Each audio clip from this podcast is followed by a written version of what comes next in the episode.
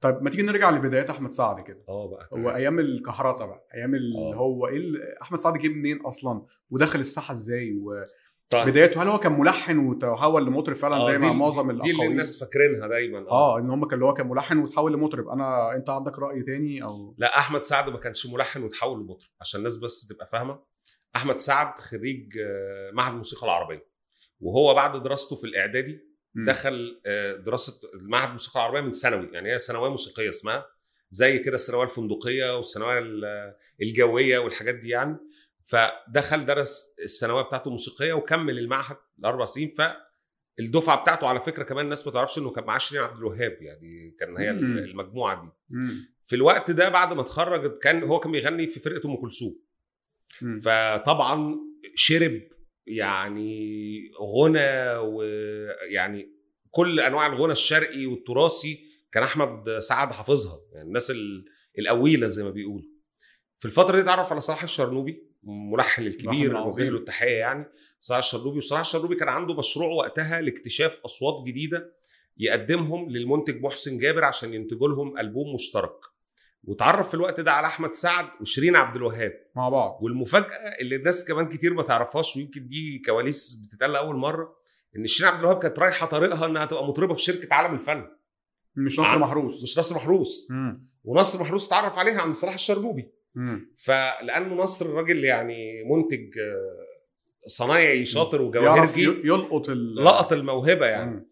و- وساعتها كان آه، صلاح الشرنوبي آه، خلاه خلى احمد سعد يمضي مع مع شركه عالم الفن ومجموعه من الاصوات الاخرى علشان يعملوا الالبوم ده طبعا شيرين ما مضتش شيرين اتخطفت على طول عند نصر, نصر محروس. محروس لكن اللي كان متبنيها في البدايه صلاح الشرنوبي في الوقت ده آه، احمد سعد المشروع اتعطل بتاع الشريط المشترك ده وكان موجود مع صلاح الشرنوبي فاتعرف هناك على الموزع الموسيقي مدحت خميس مم. ومدحت خميس بالمناسبه اللي الناس ما تعرفوش هو الزيجه الاولى لشيرين عبد الوهاب الناس ما تعرفش قصدي قبل محمد قبل محمد مصطفى يا، الزيجة يعني الأولى- الناس كلها فاكره ان محمد مصطفى لا. هو مدحت خميس كان الزيجه الاولى لشيرين عبد الوهاب قبل محمد مصطفى مم. والزيجه دي ما قعدتش فتره طويله جدا و- وشيرين ما, بت... ما بتصرحش اصلا بالزيجه دي اساسا يعني ما بتقولش انها كانت متجوزه بس ده معلومه معروفه كانت أوكي. متجوزه مدحت خميس والطلاق تم بعد ما كان مدحت خميس اتسجن في قضيه سنه او حاجه زي كده و... أوكي. وحصل الانفصال بعدها يعني وهنا احمد سعد وانا آه، ما قدم- بحبش اخوض في الحتت دي يعني. آه. بس انا التاريخ والحكايات جابت بعضها جابت يعني. بعضها اه يعني آه. صدف غريبه اه فاحمد سعد اتعرف على مدحت خميس في الشله دي ومدحت خميس لما مشروع احمد سعد كمطرب اتعطل مم. فمدحت خميس سمعه في مره بيدندن جمله لحنيه فقال له ما تجرب تلحن انت يعني بتعرف تقول جمل شكلك بتعرف ترتجل اه يعني. وعلى الاقل هتعمل ديموهات هتتبعت للناس آه، كامله يعني انت مم. بتلحن وهتبعتها بصوتك حلو فعمل لحن طبليه بتاع آه، راغب علامه بتاع طبليه كده تشغل قلبي وتشغل فاكره ف من احلى الالحان من احلى ما الالحان غنى راغب بالظبط. علامة. واشهر اغنيه وقتها الراغب علامه راغب يعني. علامة. اه آه، فبعدها الراجل لما لقى الدنيا متعطله معاه كمطرب مم.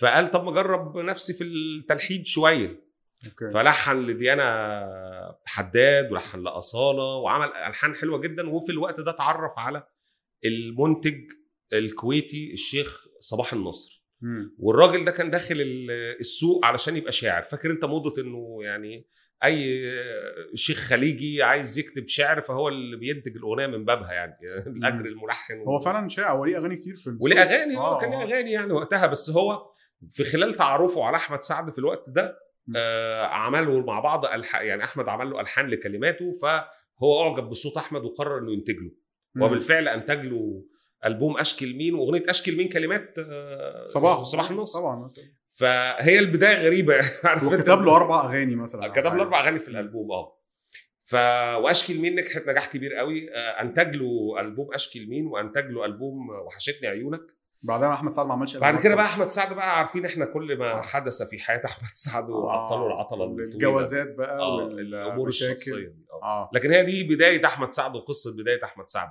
كان 2003 البوم اشكي لمين 2003 اشكل مين ايه حاجات 2003 معانا ما احنا هو ساعة ما بقى عملنا واخد بالك، البودكاست ده 2003 2003 دي آه. عامله لنا مشكله اه الفكره ان 2003 دي زي ما قلنا قبل كده طلعت ناس كتير كميه هو يعني. بص ال- ام ال- آه. تي ام ال- العشريه دايما آه، او حماقي و- الفتره دي كان مم. ال- المزيكا عايزه عايزه اصوات جديده عايز دم جديد عايزه دم جديد مم. وكان في بصراحه عشان نبقى منصفين كان في استثمار في الفن كبير يعني من مم. اول سنه 2000 في شركات دخلت السوق في منتجين يعني ناس دخلت مجال الانتاج وهي ما كانتش منتجه قبل كده في قنوات قنوات آه، فتحت. فيديو اه استثمارات من مم. الخليج استثمارات من لبنان من دول مختلفه فعارف انت لما تبقى رؤوس الاموال بتخش عشان تنتج وكان في حاله انتعاش فني وعلى فكره بالمناسبه ده كان منعكس على السينما وقتها يعني كان في السينما حركه كان انتعاشه نفس فنيه انتعاشه فنيه في السينما اه بالظبط الافلام الالفيه اول خمس سنين في الالفيه دي آه، اه ارجع لها دلوقتي افلام كتير وافلام بتنجح بتجيب فلوس وافلام بالظبط. حلوه كمان بالظبط نسبه عدد الافلام الحلوه التجاريه اللي هي تتشاف كان نسبه كبيره جدا بالظبط في ايام الناظر بقى والفتره دي طلع واللي بالي فيها بالك و- مخرجين جداد وطلع آه. فيها مؤلفين جداد احمد السقا آه، وهنيدي وكريم ومؤلف- آه. عبد العزيز و... ومؤلفين جداد وأحمد حلمي. طلعوا ومحمد حفظي محمد حفظي وبلال فضل و- وبلال فضل و... وناس ومخرجين كتير. احمد كتير عبد طلعوا. الله احمد عبد الله اللي هو السيناريست بتاع اللي كتب الناظر اه, آه. ال- اه السيناريست كتب الناظر والفرح وكباريه و- واللمبي و... فهي فكره يعني مبدئيا دي كانت نقطه بره فتره صحوه الموضوع عموما صحوه فنيه عشان لانه الاستثمار كان مفتوح في مجال الفن كانت رؤوس الاموال بتدخل ده كان استثمار مهم للبلد على فكره يعني وكان في استقرار عام في ال- يعني الحياه آه، آه كانت طبعاً. مستقره يعني طبعاً، طبعاً. الدنيا ما وكان كانش في مفتوح الدنيا ازعاج ما اي كانش حد في ثورات حروب ما كانش في حاجه اي حد كان عايز يجي يستثمر في الفن يخش مصر واهلا وسهلا و- وينتج ويضخ اموال و...